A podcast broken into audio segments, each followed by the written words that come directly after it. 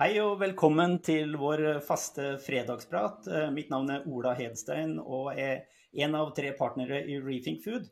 Og vi bruker disse podkastene og livesendingene til å finne ut litt mer om dette matsystemet vårt, som skal både bli bærekraftig og klimavennlig, eh, og hva som skal til for å få til det, og hva som egentlig er problemet med matsystemet i utgangspunktet. Eh, og på disse samtalene så har vi da en prat med ymse eksperter. Eh, noen liker å bli kalt det, andre ikke. Eh, I dag så har vi med deg, Pål Frisvold. Du er jo en eh, sann ekspert. Velkommen skal du være.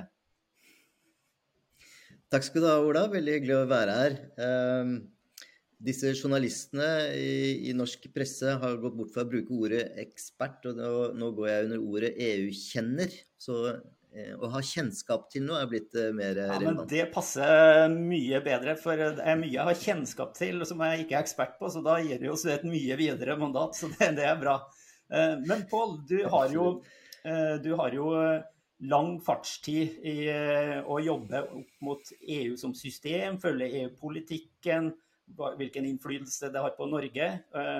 Og nå nylig så var du rådgiver for Sintef i de siste tre åra på forskningspolitikk. Eh, men du har jo hatt eh, mange andre roller eh, i forhold til å følge EU sin bestrebelse.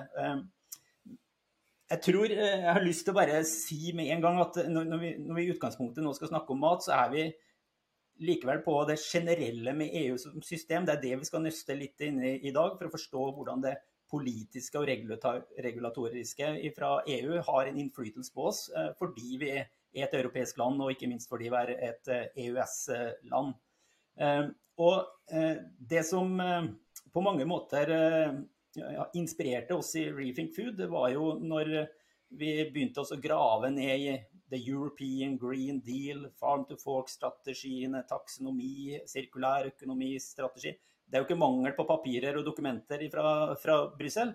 Men denne gangen så syns jeg det var eh, noe veldig interessant fordi det handla etter mitt, eh, min forståelse altså handla det om å endre hva som skal bli lønnsomt i framtiden. Eh, ta en sånn kort krasjkurs med oss på The European Green Deal. Hva er det de har satt i gang, og er det grunn til å tro de får til dette her?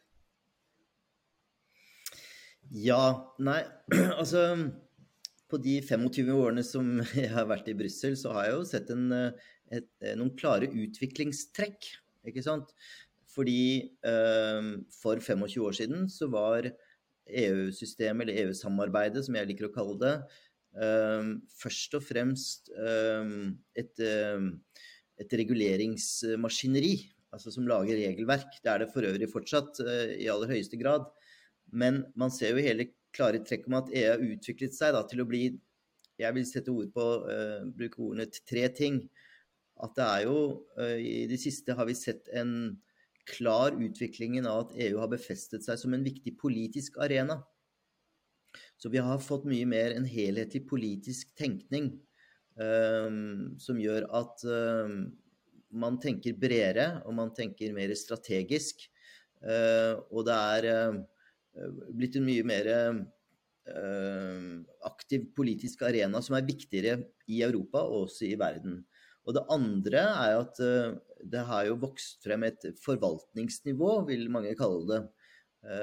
Dette med at EU-samarbeidet forvalter ressurser, sånn som på forskningspolitikk, hvor jeg har jobbet mye, men også på andre områder. At de fatter beslutninger som, som medlemslandene da skal gjennomføre hver for seg. Og det tredje er jo dette felles rettssystemet som vi er med på gjennom EØS, eh, hvor vi får dette regelverket eh, synkende inn. Men eh, det vi ser, at det er jo for å, for å følge med i utviklingen og for å forstå den politiske retningen som ligger bak, så blir det viktigere og viktigere for oss å, å, å sette oss inn i politikken, ikke bare i regelverket. Og den grønne given, The European Green Deal, er jo et veldig godt eksempel på det. Fordi uh, i, i, i, tro EU-stil så begynte det med en, en PowerPoint-presentasjon, altså en, en, en, vid og bred strategi som, som meisler ut noen mål og noen ambisjoner. Og så blir de gjenstand for selvfølgelig politisk debatt, men det blir også gjenstand for, å, for at markedet og samfunnet, fordi at det er mye mer enn bare et marked, har anledning til å sette seg inn i og forberede seg. og ikke bare på det som skal komme, men å bidra til å sørge for at uh, den politikkutviklingen går i, riktig retning. Så det har blitt et mer ambisiøst EU, mer et, et, jeg vil si et inkluderende EU. Uh, og så, etter at denne grønne given ble lansert, eller denne powerpoint-presentasjonen ble presentert i, i 2019, så har du jo så er metodikken da, det er at man da først eh, omgjør alle disse områdene. Eh, det er vel 20 områder altså, eh, som dekker jeg, jeg, kan ikke tenke meg et eneste område i samfunnet som ikke dekkes av den grønne given, faktisk. Uh, landbruk i aller høyeste grad, men også transport, også forsvarspolitikk, også finans osv. Og, så og på hver av disse områdene så legger man da frem strategier som går ett skritt lenger ned og begynner å definere eh, retningen.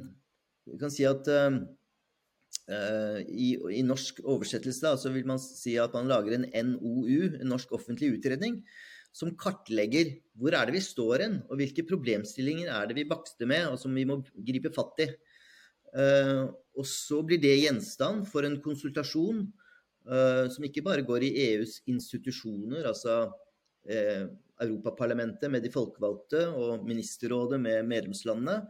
Men i aller høyeste grad også blir gjenstand for en, en, en diskusjon og en gjennomgang av alle aktørene som er berørt på de spesifikke områdene. Forstår jeg deg rett da på um, at uh, du, du, sier at uh, vi, kan, uh, vi, bør oppfatte farm to fork-strategien som kom innunder Green Deal og noen andre sånne strategier som rett og slett en en ja, NOU absolutt. i en norsk kontekst? Uh, eh, NOU som, som, som, som på, i Norge, at man da ønsker å få innspill. Og så på basis av den realitets... Hva skal vi si uh, Forståelsen og innspill fra de berørte aktørene fra hele samfunnet, så blir da neste steg å legge frem en kommunikasjon. Uh, og det vil være i norsk sammenheng kanskje en stortingsmelding, hvor man da går mer systematisk til verks og sier at OK, vi har etablert uh, et situasjonsbilde. Vi har uh, laget en prioritering av hva vi ønsker å ta fatt i. Og så legger man frem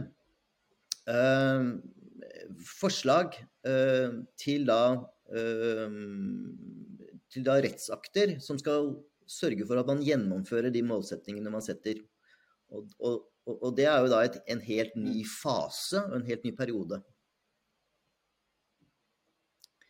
Men, men, hvis vi går tilbake til The Green Deal, eh, så, eh, så, ser vi jo at det er en, eh, det er en vekststrategi for europeisk økonomi som da ikke skal føre til ressursforbruk. Altså det, det, høres jo ut som det stikk motsatte av det vi har holdt på med, med fram til nå. Så det er, jo, det er jo veldig Det er jo et diametralt ja, skift, egentlig. da du kan si Det som er viktig å skyte inn her med en gang, eh, Ola, det er jo at alle disse initiativene og denne strategien det er jo basert på hvordan EU-landene skal gjennomføre FNs bærekraftighetsmål. Uh, og Det er viktig å se det i den sammenhengen, fordi vi har et eh, system, et FN-system, som på sin måte definerer problemstillinger og setter opp uh, uh, målsetninger. Men FN-systemet overlater da ballen til de enkelte landene om hvordan de skal gjennomføre dette. Um, og det er der, um, det er der EU eh, kommer inn, fordi at de har da helt andre redskap enn det FN har. At de har mulighet til å utvikle regelverk som da sørger for at landene møter de målsetningene vi blir enige om. Og da er det selvfølgelig Parisavtalen som er uh, i forsetet men også denne naturavtalen som vi har kommet frem til. Og jeg er ganske trygg på at EU eh, e nå vil rulle ut et, eh, et regelverk som også skal forsøke å gjennomføre f.eks. den havavtalen som FN kom frem til nå ganske nylig. Så rett og slett eh, en implementering av de globale forpliktelsene som EU og i og for seg Norge også har vært med på, inn i sin egen regulatoriske aktivitet. Ja, det er jo greit å få det plassert sånn. Men så, så er jo jeg mer, mest opptatt av mat og glad i mat og alt som har med det å gjøre. Og du kjenner jo også matsektoren, selv om du jobber ganske bredt på flere samfunnsområder en av de tingene som, eh, som jeg må si overraska meg i som språkbruk, da, eh, det var når, når eh, Green Deal og Farm to Fall-strategien ble formidla av de, jeg tror det var to eller tre kommissærer som dro det i gang. Så, så, sa de at diagnosen på det europeiske matsystemet er at det er dysfunksjonelt i lys av bærekraftsmålene. Og når du sier at noe er dysfunksjonelt, så sier du jo samtidig at uh, her må det bli vesentlig annerledes uh, enn i dag. Hvordan responderer landene og parlament og råd og andre strukturer i EU når man liksom setter en så alvorlig diagnose da, på sitt nåværende ja, system? Nei, altså... Der, der, er vi jo oppe på den politiske nivået, ikke sant? Og agendasettingsnivået. Og um, uh, det er vel ingen land som føler at de har knukket koden på hvordan man lager et bærekraftig matsystem uh, som også gir verdiskapning til de som produserer produktene. Samtidig som de tar høyde for at uh, vi, ikke, vi, vi, er nødt til å legge om for å ikke skade verken planeten eller fremtiden, fremtidens generasjoner. Um, så det er på en måte veldig typisk for EU å liksom binde aktørene til masten og si at vet vi har en stor utfordring her. Vi er nødt til å gjøre noe. Og så, så lar de den ballen ligge der og får folk til å, og aktører og institusjoner til å, til å dele den virkelighetsoppfatningen. Um, og du kan si at det er vi, vi, har jo sett eh, de store opprørene i Holland i de siste dagene. Det er jo eh, Årsaken til det, det er jo et resultat av denne forståelsen om at vi må gjøre noe. Og så ser man da at det blir nødvendig å redusere kjemiske plantevernsmidler. ikke sant? Det blir nødvendig å gjøre noe med eh, næringsavrenning eh, i, i, i, landbruket som går ut i fjordene. Vi har det jo selv i Oslofjorden, og vi ser at vi har problemer. Så, så, så dette er en eh, Dette er på en måte langsiktig tenkning, og så er det litt lirking for å få med folk til å forstå at vi er nødt til å foreta noen, eh, noen ganske radikale endringer. Da. Um, så ja, det er veldig nytt og oppsiktsvekkende. Det er det. Ja, for det, Vi skal kanskje komme tilbake til uh, akkurat det som skjer uh, og har skjedd i, i, Holland. Men uh, først så, så, er jo det at det er støy der, er jo også et uttrykk for at den diagnosen da, som jeg nevnte i sted, med at eh, man måtte gjøre mye, at det var til dels dysfunksjonelt, eh, det er jo da fulgt opp av myndighetene i, i Holland for uh, egen del, med drastiske grep for de, deres matproduksjon og, og, de bedriftene som er knytta til, til, det. så det har jo tydeligvis da umiddelbar effekt da, når, når, man rett og slett skulle redusere hva det melkeproduksjon med 30% eller noe ja, og dette er, jo, dette er jo veldig inngripende i hvordan man driver, uh, og hvordan de økonomiske modellene er. Um, og Derfor så blir det selvfølgelig opp, opprør, og dette er endringskrevende. Um, og det er der, um, Hvis vi går tilbake til den, The Green Deal, så er jo hovedprinsippene der do no harm. Og vi skal virkelig se på hvordan vi kan unngå å skade på uh, natur og biologisk mangfold og klima.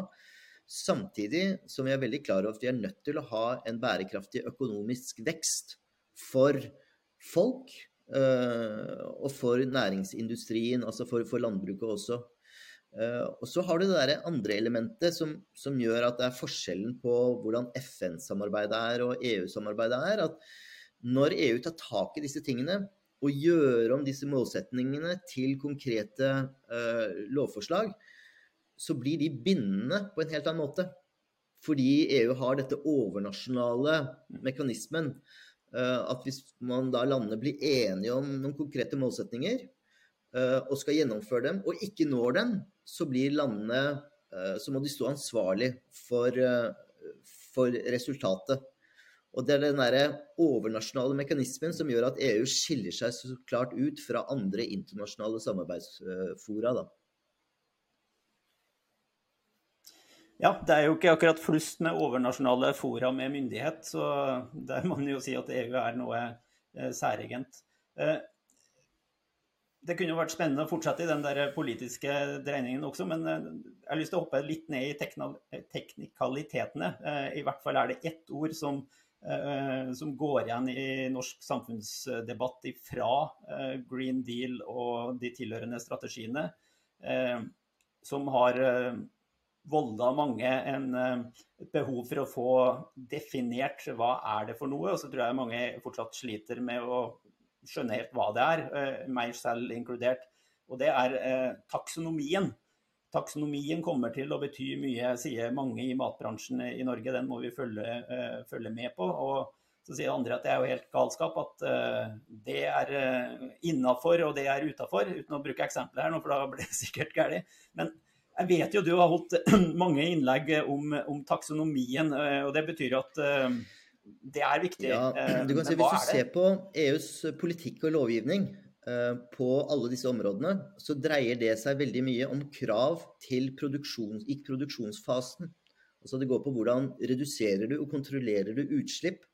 Eh, hvilke, eh, hvordan håndterer du råvarer, altså produksjonsprosessen, industrielle prosesser, for å få ned trykket både på utslipp og på innflytelse på, på naturen.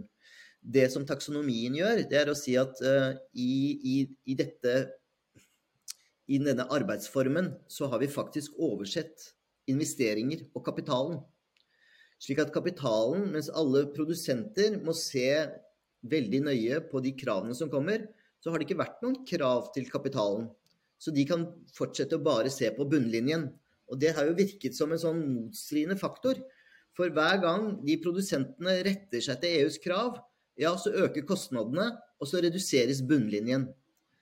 Uh, og hvis kapitalkreftene bare ser på den bunnlinjen, ja, så mister vi evnen til å tiltrekke kapital og investeringer i de nye, rene og bærende. Og det er jo da en kjempeoppgave, fordi uh, hvordan skal du få finansnæringen til å få en annen måleenhet enn avkastning. Altså Hvordan kan du styre avkastning i en bærekraftig eh, område? Det er mange som sier at kapitalmarkedet er som et stort badekar, og det er ett sluk. Og det er avkastning og profittmargin. Eh, det EU forsøker å gjøre nå, er å åpne flere sluk, slik at kapitalen skal renne i andre retninger. Det skal være andre krav til avkastning. Da man stiller krav til eh, hvordan nasjonens nasjonalbanker, men også hvordan banker og investeringsfond deres eh, kostnadskalkyle. da.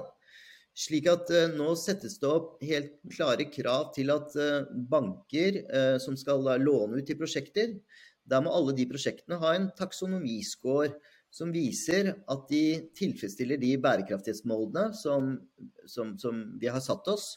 Og gjør de ikke det, så skal det ikke være forbudt, eller det skal ikke være noe påbud. Men det skal gjenspeiles i de finanskostnadene som disse finansinstitusjonene får. Uh, og det er et veldig spennende, veldig ambisiøst, uh, nypløyd mark, absolutt. Uh, og de har begynt i de små, eller mange vil si at de har begynt i de store. Men de har begynt med noen sektorer og forsøkt å da definere hva som er en bærekraftig hydrogenproduksjon, hva som er bærekraftig matproduksjon, og hva som ikke er det. bare for å ta noen eksempler. Mm. Og da, som du sier, da går du inn i nitty-gritty, og da utsetter du deg selv for veldig mye ja, motsetninger. Eh, både for definisjoner og selvfølgelig veldig mange sterke, etablerte markedskrefter som ikke ønsker å få denne ekstra pisken for å måtte endre atferd. Men, men det, jeg, vet, jeg, vet, ikke om det er å dra det litt langt, men eh, de påfører da egentlig en slags ulempe, en, en, kostnad, fordi man velger produksjonsmetoder og teknologier som er ja, gammeldagse eller har noen eh, dårlige effekter på miljø eller sosiale forhold eller noe. Eh, og ja, I økonomisk term da, så kan man si at det er sånn eksternalitetskostnader som man prøver å adressere til ulike produksjoner. Eh, og det vil jo da i så fall eh, bidra til at du styrker lønnsomheten eller konkurransekraften i de produksjonsmetodene eller de varene som har eh, lite miljø- ja. eller samfunnspåvirkning. Eh, du, du, du, kan si at det er så enkelt som at du skal skape et kapitaltørke for f.eks. rene fossile aktiviteter. Så er det litt interessant, da, fordi de har jo da sagt at når vi først går løs på dette, så skal vi igjen så kommer den, den EU-greia at man skal da tenke helhetlig. Så da skal du ikke bare se på aktivitetens påvirkning på klima, men du skal også se på i hvilken grad aktiviteten påvirker evnen til å tilpasse de klimaendringene som vi vet kommer, og som er allerede. Og så har de lagt til fire andre kriterier. At de skal fremme sirkulær økonomi, at de skal fremme verning av hav og sjø, at de skal fremme biologisk mangfold, at de skal fremme bekjempelse av forurensning.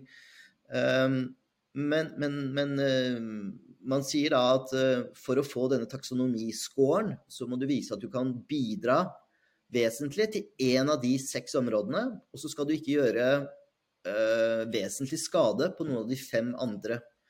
Um, og, og, så kommer da et sånt tillegg som ligger litt lenger frem i tid. Man, man skal da også respektere sosiale Eh, standarder eh, som arbeidsforhold eh, i, i, produksjonsfasen, men også i det som gjelder underleverandører.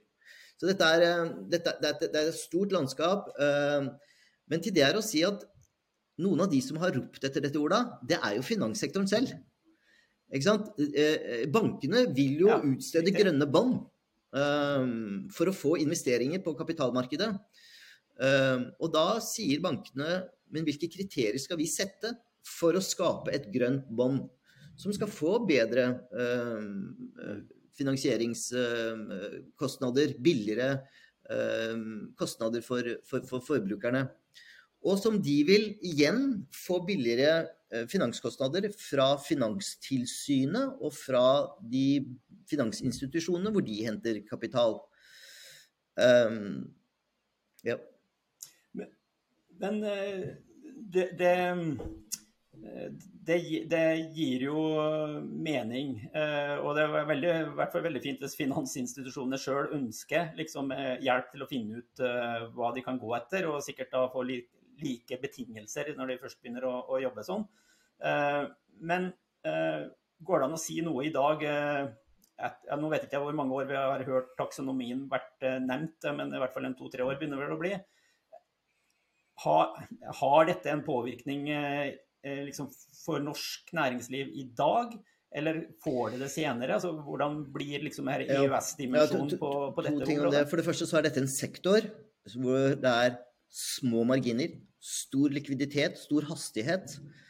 Og så, som en, en bankmann sier, eh, i vår bransje så spiser vi compliance til frokost. Altså, de, de, de, er vant til å ha Etter finanskrisen så har det kommet masse regler på hvitvasking, terror, eh, mange andre krav til kapitalisering osv. Så, videre. så de har et veldig stort apparat som er godt rigget for å ta inn disse nye kriteriene. Og gjør de det, så kommer det til å gå raskt. Og da eh, Du kan si at vi kan, vi kan vente på denne EØS-prosessen, som ligger alltid litt etter. Eh, men det er jo helt soleklart at eh, så internasjonalt som kapitalmarkedet er, eh, så så knives det om å forholde seg til disse nye reglene så raskt som mulig. Og det har også med at de, de, ønsker jo å være attraktive for å få all den kapitalen som skal til. Tiltrekke seg kapital. Nå prøver jeg meg å dra på et eksempel her som mulig, muligens blir for konkret til at jeg kan forvente et, et tydelig svar og vurdering, egentlig. Men eh, vi har jo da i, i, Norge masse investeringer i de fossile eh, ressursene ute i havet med køl og, Nei, ikke køl, men med, med olje og gass. Eh, og så jobber Briefing Food da, med agritech og foodtech og biotech og sånne ting. Altså nye teknologier som har stor påvirkning, eller som, som drar ting i en bærekraftig retning og reduserer klimagassutslipp og sånne ting. Og enda mer konkret, da, så, så jobber vi med noen selskaper som reduserer klimagassutslipp fra melkeproduksjon umiddelbart med 20-30 Det er fantastisk spennende nitrogen, eh, nitrogenproduksjon. Eh, og så har du droner og roboter som driver med presisjonssprøyting, som reduserer bruken av giftige kjemikalier med 95 eh, og alle disse er jo på vei inn i et veldig umodent marked, hvor det koster noen av de ting å ta i bruk denne teknologien, men det er egentlig ikke lønnsomt å, å kjøpe det. Men det er veldig riktig i forhold til de samfunnsmålene. Burde da en norsk bank eh, liksom eh, bruke taksonomien som et grunnlag for å si at her har dere i hvert fall superbillig eh, investeringslån og kassakreditt eller et eller annet? Er, er, er, det sånn det skal funke? Altså at vi får narra herrekapitalen til å løpe bort fra olja og inn i mat- og landbruksbransjen? Det hadde jo vært en Du er inne på noe der. Fordi um, det skal helt klart bli dyrere å finansiere i både fossil, men også fossilrelaterte aktiviteter. Du så jo den debatten i Norge når plutselig vannkraften ikke kom så godt ut i taksonomien. Så var jo det fordi at vannkraften også forårsaker en del naturinngrep som vi ikke har lagt vekt på tidligere. Uh, men som nå uh, blir, tatt inn at man må også se på da hvordan man respekterer de andre direktivene på vannkvalitet osv. Så én ting er at du skal få kapitalen bort derfra, og så har du da en liste over aktiviteter innenfor mat og landbruk. Eh, jeg kan ikke den listen så godt, men jeg vil anta at de nye produksjonsmetodene som du nå henviser til, at de har en plass i det, det vi kaller for det annekset. Slik at eh, ja, på, på, på, sikt så skal man foreta en, kunne foreta en dreining fra de Eh, produksjonsmetodene som da påstår eh, som, som, gjør skade på naturen, eh, og dreie de over til de som har et lavere avtrykk.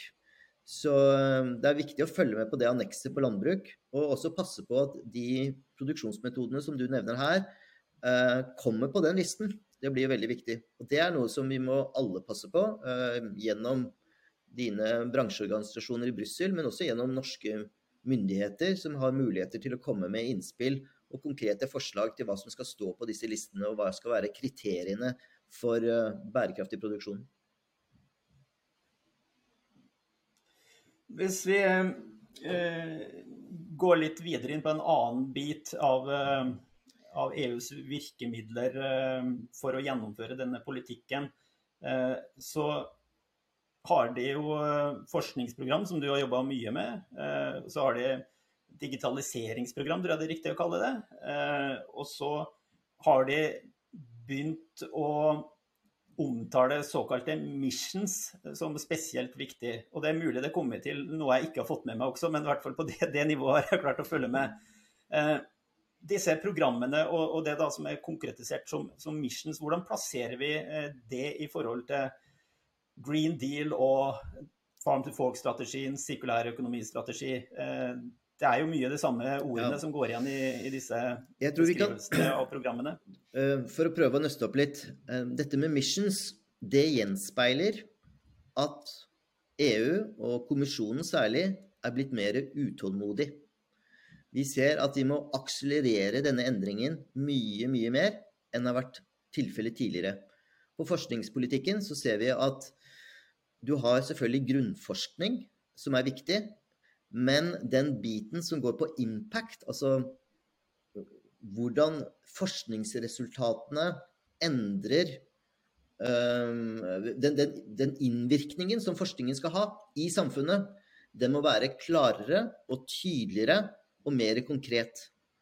Uh, og det er jo den store endringen mellom Horisont 2020, som var det forrige forskningsprogrammet, og Horisont Europa, Uh, hvor man har fått en mye større fokus på at vi kan ikke ha forskning som blir lagt i en skuff. Vi må ha forskning som gir markedsresultater med en gang, fordi vi ikke har tid. Og da er missions en sånn måte å tenke på. Det er jo, De bruker stadig denne månelandingsmetaforen, som ikke er like vellykket i Norge som i andre land. Men, uh, men, men, men det vil si at vi må, vi, må, vi må, ta tak i hvordan, hvordan skal samfunnet se ut? Og hvordan skal vi komme dit på raskest mulig måte? Vi skal ha eh, 100 byer. Nå er det blitt 112 fordi at eh, EFTA-landene har fått med noen. Vi har fått med Tromsø, nei, Trondheim, Stavanger og Oslo.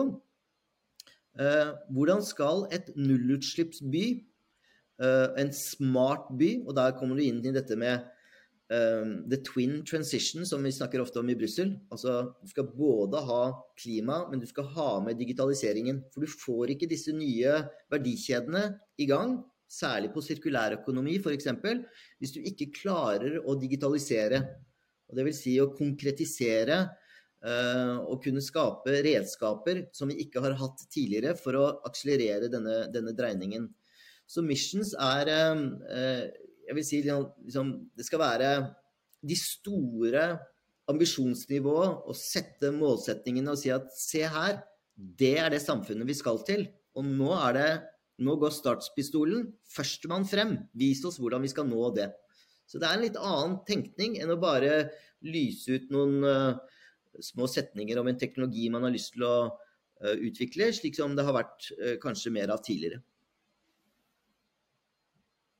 Hvordan er, hvis du vil sette noe karakteristikk eh, da, altså, på, når det gjelder forskningsprogrammene med Horizon 2020 først og Horizon Europe, så har jo de norske forskningsinstitusjonene blitt ganske flinke til å kvalifisere seg inn i de programmene. og Sånn sett så tar vi tilbake til uh, norsk aktivitet mye, mye, penger som vi betaler inn til de forskningsprogrammene, uten å gå i tallene som sådan. Men med Missions og det nye som ligger i det, og med sånn testaktiviteter uh, som også legger, ja, som er i randsonen av det, uten å gå, gå, inn i det heller. men, men er vi, er vi starter vi litt sånn som eh, med forskningen før, at vi var litt for dårlige til å skrive rette søknader og lage gode konsortium, eller er vi med fra dag én på disse missions-satsingene? Ja, disse missions har jo egne styrer da, som skal identifisere hvor uh, noen norske har kommet frem med i noen av dem. Uh, men én ting Ola, som jeg har lyst til å bare slå fast med en gang. Uh, og det er det der med at vi skal delta for å få tilbake penga. Vi skal få kunnskapen. ikke sant? Ikke for å være vanskelig, men det er veldig viktig at vi tenker på at, at dette er en investering. Uh, ikke sant? Uh, og den kunnskapen, hvis du ser på hva Sintef har gjort, som har gjort det veldig bra i EU, overraskende bra nå i de siste, de siste to årene, ligger langt høyt både i europeisk sammenheng og, og nordisk og norsk, så er det jo fordi at man ser at anvendt forskning og da et institutt som Sintef, de henter så mye kunnskap som er viktig for samarbeidet på andre områder, som er kommersiell, kommers, altså, kommersielt samkvem med andre aktører i Norge. Så det er en veldig viktig kanal for å innhente kunnskap. Det er, det er som å få lov til å delta i Champions League. Ikke sant? Vi så Rosenborg, hvordan de vokste de, den, den, når de var på den arenaen. Så det er, det er, det som er viktig. Og da vil jeg skyte inn en annen ting som jeg syns har gått litt under radaren hjemme. Og det er eh, Solberg-regjeringens første regjering hadde en europaminister. Ble veldig kritisert, mange grunner til det. Men det Vidar Helgesen gjorde, det var at han sa nå skal vi prioritere en del områder innenfor EUs samarbeid. Og regjeringen la fullt trøkk på at forskningssamarbeidet det er noe som er aller, aller viktigst for norsk økonomi for at vi skal utvikle oss. Og EU-samarbeidet representerer da en oase av muligheter. Slik at med den, den Vi fikk et veldig sterkt politisk lederskap som trakk opp både EU-forskningen innenfor det norske virkemiddelapparatet, Forskningsrådet, Innovasjon Norge osv., og, så og satte EU-forskningen på kartet. Og jeg tror at uh, hvis vi ser tilbake, så har vi mye å takke Vidar Helgesen for at uh, det norske forskningsmiljøet nå gjør det så godt i EU. For plutselig så fikk det var noen som kom med en bjelle her og sa at dette må vi gripe tak i. Uh, og jeg skulle jo ønske at vi hadde det samme politiske lederskapet på andre områder. f.eks. landbruk, hvor jeg tror også vi har mye å hente. Og se på det flotte arbeidet dere gjør, som matcher jo veldig mye med de ambisjonene som er nedfelt i, i denne Farm to Fork-strategien. Ja, det, jeg liker jo å tro at uh, når Europa skal finne den der gullstandarden for bærekraftig matproduksjon, så, så, tror jeg vi har uh, lite å skjemmes over og mye å bidra med.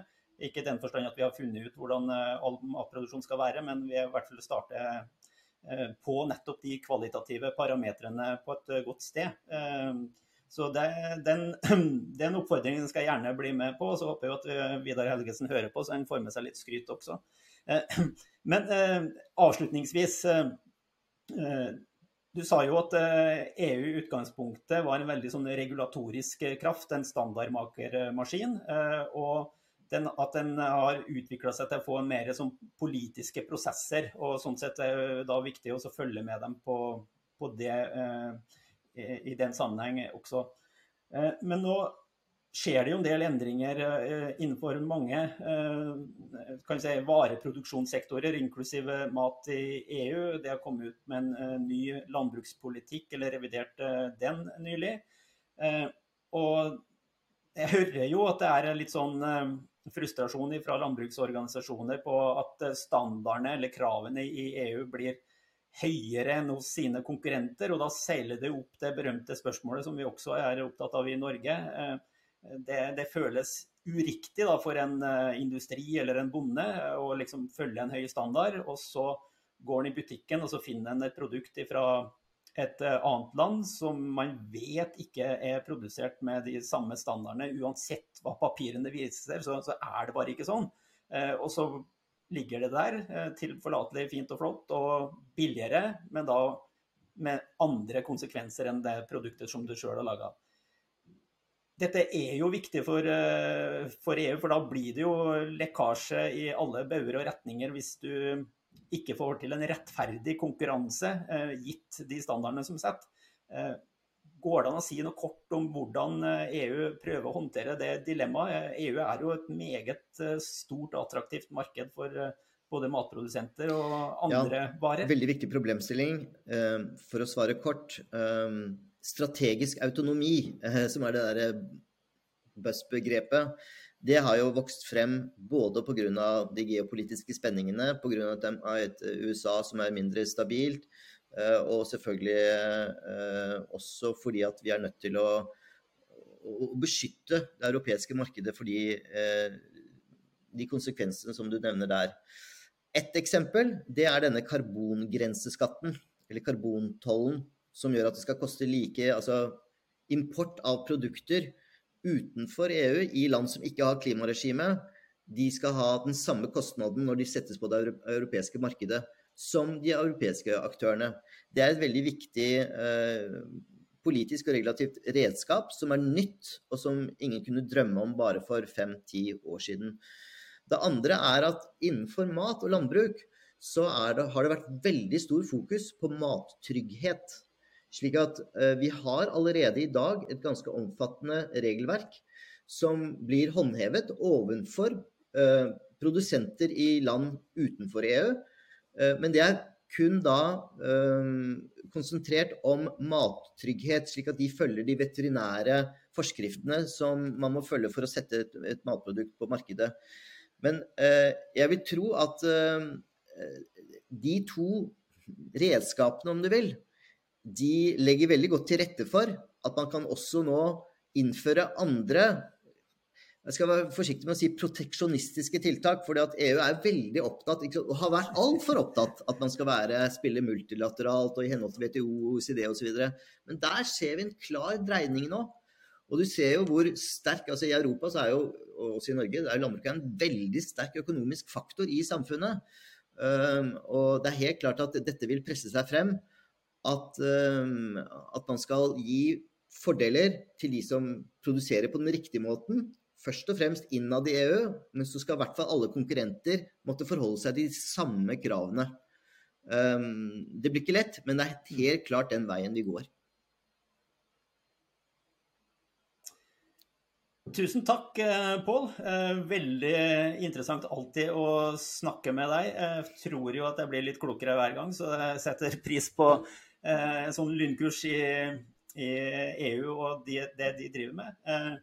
Jeg går ut fra du mener det du alltid har ment, om at eh, det er riktig å følge med på hva som skjer i Brussel, fordi det kommer uansett og biter deg i baken før eller senere. Eh, så, så det skal, skal, vi gjøre. Eh, så jeg tror jeg runder av der, og så lar det siste være litt sånn hovedpoenget. At for å få til å lage et mer bærekraftig matsystem, som da EU er i gang med, og som vi vil få til også i Norge, så dreier det seg veldig mye om at eh, det blir, det blir like konkurransevilkår, eh, og at eh, man får styrka konkurransekraften til den gode måten å produsere mat på. Og Så kan vi krangle mye om hva som er en god måte å gjøre det på, men det, det er bra at det vinner fram. Tusen takk for invitasjonen, Ola. Hyggelig å se deg igjen. Likeså. Vi ringer deg når vi trenger mer info. Og til dere som har hørt på, takk til dere også. Og husk at vi på tirsdag kommer ut med en podkast eh, hvor du hører dette i lydopptak. Ha det bra.